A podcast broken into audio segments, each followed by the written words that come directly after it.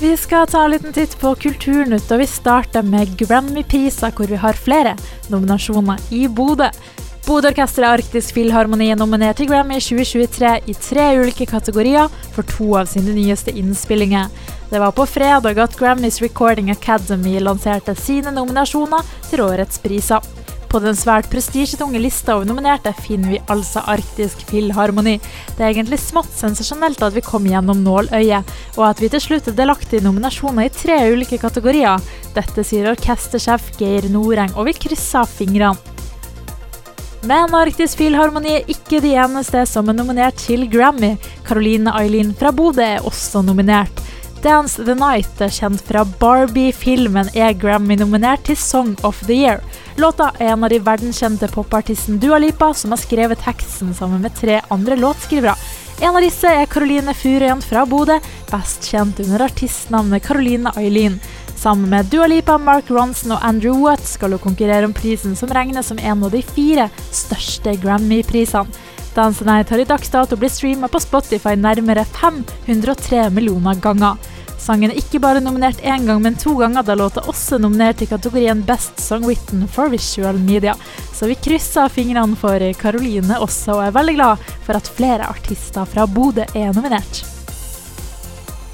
Fra 5. til 6. juli 2024 skal flere artister opptre i Melensi Park på Fauske under Gatafestivalen. Det er allerede sluppet Kari Bremnes som skal opptre på Gata 24s torsdag i teltet. Nå lanseres festivalen med glede åtte artister til som man kan se på scenen i Melenzi Park.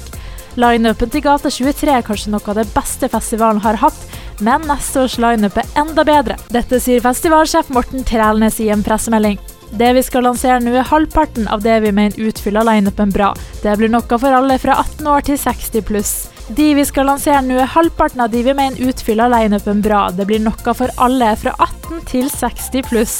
En av de åtte artistene er headliner Bjørn Eidsvåg, som spiller på festivalen for aller første gang. Det skriver festivalen i artistbeskrivelsen. Også headliner Timbuktu skal opptre på Gata 24 for første gang, i tillegg til de seks andre artistene Su, Victoria Nadine, Køde, Bure, sirkus og luksus leverpostei. Så dette blir nok en fantastisk gatafestival etter lineupen og dem. Queer Ways skal holdes i Bodø i april 2024. Dette blir historiens desidert største skeive kunstutstilling nord for Trondheim. Det er organisasjonen Pride Art som står bak initiativet, hvor skeive kunstnere i Norge og utlandet inviteres til en såkalt open call til å bidra i kunstutstillinga Queer Ways Pilgrim to Change på Beddingen kulturhus og i Bodø domkirkes krypt.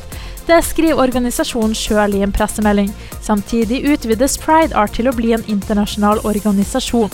I Bodø skal et bredt spekter av kunstnere stilles ut. Foreløpig er den yngste påmeldte 12 år, mens den eldste er 70. Det var Kulturnytt.